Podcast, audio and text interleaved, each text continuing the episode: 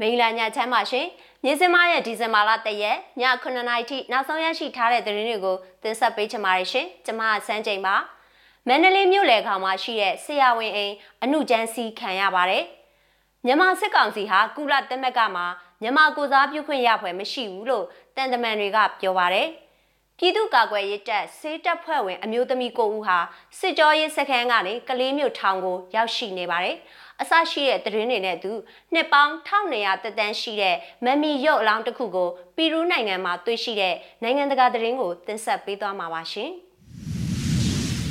မန္တလေးမြို့လယ်ကောင်မှာရှိတဲ့နေအိမ်တအိမ်ဟာဒီကနေ့မနက်ပိုင်းကအမှုကျန်းစီခံရပြီးအိမ်ရှင်ဖြစ်သူဓားထိုးခံရတဲ့ဖြစ်စဉ်ဖြစ်ပွားခဲ့ပါတယ်။ဒီသတင်းကိုဆက်ရရင်တော့ ချမ်းအေးတာဆန်မြို့နယ်32လမ်း84လမ်းနဲ့85လမ်းကြားမှာရှိတဲ့ဆရာဝန်တဦးရဲ့နေအိမ်ဟာအနုကျန်းစီခံရတာဖြစ်ပြီးသူ့ကိုတပည့်ဖြစ်သူကအနုကျန်းစီပြီးဓာတ်နဲ့ထိုးသွားကြောင်းသိရပါတယ်။ဆရာကအိမ်ထဲရှိနေချိန်မှာသူ့တပည့်ကပစ္စည်းလူရက်တာပါ။မြေစာချုပ်ကိုလည်းအသင်းလက်မှတ်ထိုးခိုင်းတယ်။နောက်တော့ဓာတ်နဲ့လည်းထိုးတယ်။ဆရာကပတ်ဝန်းကျင်ကိုအော်ဟစ်အကူအညီတောင်းနိုင်လို့အိမ်နီးချင်းတွေကဝင်ဖမ်းတယ်။ အဲ့ကောင်ကိုဖမ်းမိတယ်ဆရာကိုတော့ဆေးရုံပို့ထားရတယ်လို့အခင်းဖြစ်ပွားတဲ့နေအိမ်နဲ့မိသားစုနဲ့နှိစက်သူတဦးကပြောပါတယ်ဒီနေ့မနက်7:00နာရီခွဲဝင်းကျင်ကဆရာဝန်တဦးတည်းနေအိမ်အတွင်းရှိနေချိန်မှာတပည့်ဖြစ်သူရောက်လာပြီးအနုကျန်းစီလူရက်ပြီးတော့ဓာတ်နဲ့ပါထိုးသွားတာဖြစ်ကြောင်းဓာတ်ထိုးခံရတဲ့ဆရာဝန်ဟာစိုးရိမ်ဒဏ်ရာရရှိထားကြောင်းလဲမိသားစုနဲ့နှိစက်သူတွေကပြောပါတယ်ရှင်နောက်ထပ်တင်ဆက်ပေးချင်တဲ့သတင်းကတော့ ဒီကနေ့ဒီဇင်ဘာလ၁ရက်မှာပြုလုပ်မဲ့ကုလသမဂ္ဂအရေးချင်းစစ်ကော်မတီအစည်းအဝေးတစ်ခုမှာမြန်မာအာဏာသိမ်းစစ်အုပ်စုဒါမှမဟုတ်အာဖဂန်နစ္စတန်ရဲ့တာလီဘန်တို့ကို193နိုင်ငံမှာကမ္ဘာအဖွဲ့အစည်းမှာသူတို့ရဲ့နိုင်ငံတွေကိုကိုစားပြုခွင့်ပေးဖွယ်မရှိဘူးလို့တန်တမန်တွေကပြောပါတယ်။ မြန်မာအာဏာသိမ်းစစ်ကောင်စီရောတာလီဘန်တွေပါအခုနှစ်ထဲသူတို့ဖြုတ်ချခဲ့တဲ့အစိုးရတွေကခန့်အပ်ထားခဲ့တဲ့တန်အမတ်တွေနဲ့အပြိုင်ကုလမှာကိုစားပြုနေရအတွက်အပြန်လျှောက်ထားတောင်းဆိုမှုတွေလှုံ့ဆော်ထားကြပါတယ်မြန်မာအာဏာသိမ်းစစ်အုပ်စုဒါမှမဟုတ်တာလီဘန်တို့ကိုကုလသမဂ္ဂကလက်တင်ခံပေးလိုက်ပါကစစ်ကောင်စီရောတာလီဘန်ရောကြိုးပမ်းနေတဲ့နိုင်ငံတကာအတိမတ်ပြုမှုရရေးအတွက်ရှေ့တလန်ထပ်သို့ရရှိသွားစေလိုဖြစ်မှာဖြစ်ပါတယ်။ ရုရှားတရုတ်အမေရိကန်တို့ပါဝင်တဲ့၉နိုင်ငံပါကုလအရေးချင်းစစ်ကော်မတီဟာကုလအထွေထွေညီလာခံရဲ့လက်ရှိအစည်းအဝေးအတွက်အဖွဲ့ဝင်193နိုင်ငံစလုံးရဲ့ကိုစားပြုမှုနေရာတွေကိုစဉ်းစားဆုံးဖြတ်ဖို့ကုလဌာနချုပ်မှာတွဲဆောင်စည်းဝေးကြမှာဖြစ်ပါတယ်။ မြန်မာနဲ့အာဖဂန်နစ္စတန်တို့ရဲ့လက်ရှိကုလဆိုင်ရာတန်အမတ်တွေသူတို့ရဲ့နေရာတွေမှာဆက်ရှိနေတဲ့ဆိုတဲ့နားလည်မှုနဲ့အဆိုပါနှစ်နိုင်ငံစလုံးရဲ့ကိုစားပြုမှုနဲ့ပတ်သက်ပြီးဆုံးဖြတ်ချက်ကိုကော်မတီအနေနဲ့ရွှေ့ဆိုင်းဖွယ်ရှိနေကြောင်းအမီမဖော်လိုသူတန်တမန်၄ဦးကရိုက်တာကိုပြောပါရယ် အရေးချင်းစစ်ကော်မတီမှာဘဟားမတ်စ်ဘူတန်ချီလီနမီးဘီးယားဆီးရီးယားလီယွန်ဆွီဒင်တို့လည်းပါဝင်ပြီးအဖွဲ့ဝင်နိုင်ငံအလုံးရဲ့ကိုစားပြုမှုဆိုင်ရာအရေးချင်းစီစစ်မှုတွေနဲ့ပတ်သက်ပြီးရင်းရဲ့အစီရင်ခံစာကိုနှစ်ကုံမတိုင်မီအသိပြုချက်ရဖို့ကုလအထွေထွေညီလာခံကိုပေးပို့သွားမှာဖြစ်ပါတယ်။ ကော်မတီနဲ့အထွေထွေညီလာခံဟာအစဉ်အလာအဖြစ်ကုလမှာကိုစားပြုမှုအတွက်အရေးချင်းစစ်စစ်ရွေးချယ်မှုတွေနဲ့ပတ်သက်ပြီးအများသဘောဆန္ဒနဲ့ဆုံးဖြတ်ချက်များချမှတ်လျက်ရှိကြောင်းတန်တမန်တွေကပြောပါရရှင်။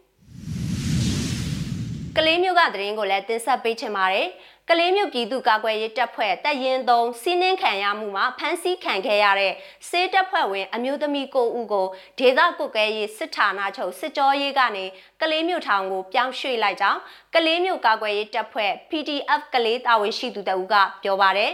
ကလေးမျိုးအကျဉ်းထောင်ကိုပို့လိုက်ပြီးတော့သိရတယ်တွေ့လို့မရသေးဘူးသူတို့ကနေမိသားစုတွေစီစာရေးလို့တော့ရတယ်လို့သူကပြောပါတယ်။ ကလေးမျိုးကာကွယ်ရေးတပ်ဖွဲ့တပ်ရင်းသုံးလက်အောက်ခံစခန်းငယ်တစ်ခုကိုစစ်ကောင်စီတပ်ကနိုဝင်ဘာလ16ရက်မှာဝင်ရောက်စီးနင်းတဲ့အချိန်မှာစေတပ်ဖွဲ့ဝင် အမျိုးသမီး9ဦးဖမ်းဆီးခံခဲ့ရတာဖြစ်ပါတယ်။လက်ရှိမှာအဖမ်းခံထားရသူတွေဟာကျန်းမာရေးကောင်းမွန်ပြီးအဝတ်စားနဲ့အစားအသောက်တွေပေးပို့နိုင်ကြောင်း PDF ကလေးတပ်ဖွဲ့ဝင်ကပြောပါတယ်။ဒါပေမဲ့ COVID-19 ကပ်ရောဂါကာလစည်းကမ်းတွေအရမိသားစုဝင်တွေနဲ့တွေ့ဆုံခွင့်မရသေးဘူးလို့ဆိုပါတယ်။ စစ်ကောင်စီကစစ်တပ်ဖွဲ့ဝင်အမျိုးသမီးတွေကိုတပ်မတော်ကိုအကြည်ညိုပြက်စင်မှုပုံမှန်905ကကြီးအပြင်အကြမ်းဖက်မှုတိုက်ဖြတ်ရေးဥပဒေတွေနဲ့ပါတရားစွဲဆိုထားတယ်လို့ကနဦးသိရကြောင်း PDF ကလေးတာဝန်ရှိသူကပြောပါရရှင်။နိုင်ငံတကာဘက်မှာတော့နှစ်ပေါင်း1900တက်တန်းရှိပြီဖြစ်တဲ့မမီရုပ်အလောင်းတစ်ခုကိုပီရူးနိုင်ငံမှာတွေ့ရှိတဲ့သတင်းကိုကြည့်ရှုနားဆင်ကြရအောင်ပါရှင်။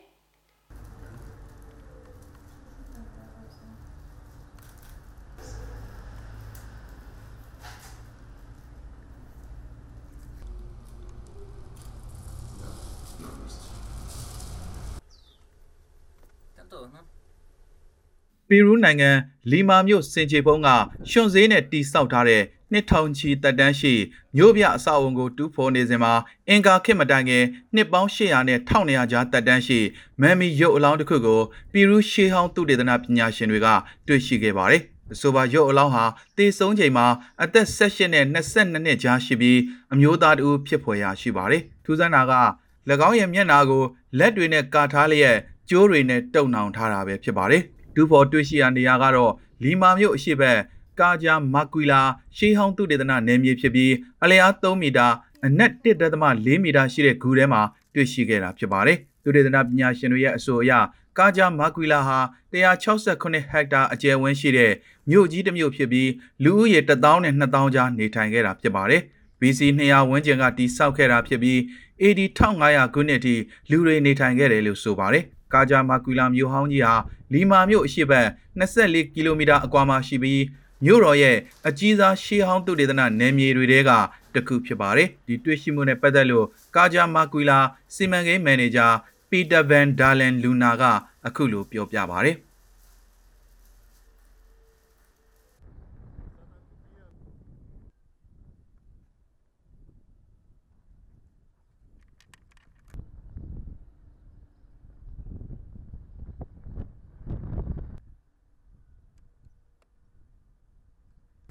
eh, hemos logrado el descubrimiento de una momia. ¿no? que ဒီ se မမ်မီကို encontraba မြေအောက်က ubicada ကြော့ပုံ interior တင်ကြိုင်းထဲမှာ de una တွေ့ရှိခဲ့တာဖြစ်ပါတယ် forma ဒီမမ်မီရဲ့ကိုယ်ပေါ်မှာကျိုးတွေတုံနှောင်ထားတာတွေ့ရတယ်အတော့ကိုစမ်းကြယ်ပြီးရှားပါလွန်းတဲ့အတုပစီယံပုံအလေးအထားတစ်ခုပဲ ဒီမမ်မီကတောင်တန်းဒေသကနေကုံသွယ်ဖို့ဒါမှမဟုတ်အခြားကိစ္စတစ်ခုခုနဲ့ဒီနေရာကိုရောက်လာတာဖြစ်နိုင်တယ်ဒီနေရာကကုံစီကူးတန်းရောင်းဝယ်ဖောက်ကားရာအချက်အချာမြို့ကြီးဖြစ်နေလို့ပါကြိုးရမှာထည့်သွင်းထားတဲ့ပစ္စည်းတွေရဲ့အနေအထားအရဒီမမ်မီကစိုက်ပျိုးရေးကိုဇောက်ချလောက်ကင်သူဖြစ်နိုင်ပါတယ်ပြောင်းစံတွေအခြားအပင်တွေပစ္စည်းတွေအပြင်ပူးတွေကိုရစ်ပူဇော်ထားတာကိုတွေ့ရလို့ပါဒီမျိုးဟောင်းကြီးမှာလုပ်ငန်းတာဝန်များစွာဖွံ့ဖြိုးတာတွေ့ရပါတယ်ကဏ္ဍတွေလည်းအများကြီးပါပဲ အုပ်ချုပ်ရေးပြည်တွင်းရေးနဲ့အိုးအိမ်နေရာခြားထားရေးအပြင်တုတ်တန်တဲ့တကြိုရေးကဏ္ဍတွေပါတွေ့ရပါတယ်လူနေအင်ဂျီတွေရှိတဲ့ဒီမျိုးပြရဲ့အလဲမှာတင်းချိုင်းကိုတွေ့တယ်လို့တကြိုထားတဲ့အလောင်းတွေပါတဲ့ကျင်းနဲ့နဲ့တွေလည်းတွေ့ရပါတယ် ciudad. ညစမရဲ့နိုဝင်ဘာလတရက်ည9:00နာရီထိနောက်ဆုံးရရှိထားတဲ့သတင်းတွေကိုတင်ဆက်ပေးခဲ့တာပါကြည့်ရှုအားပေးတဲ့အတွက်ကျေးဇူးအထူးတင်ရှိပါတယ်မြမပြည်သူတွေဘေးရန်တဲ့အပေါင်းကကင်းဝေးကြပါစေရှင်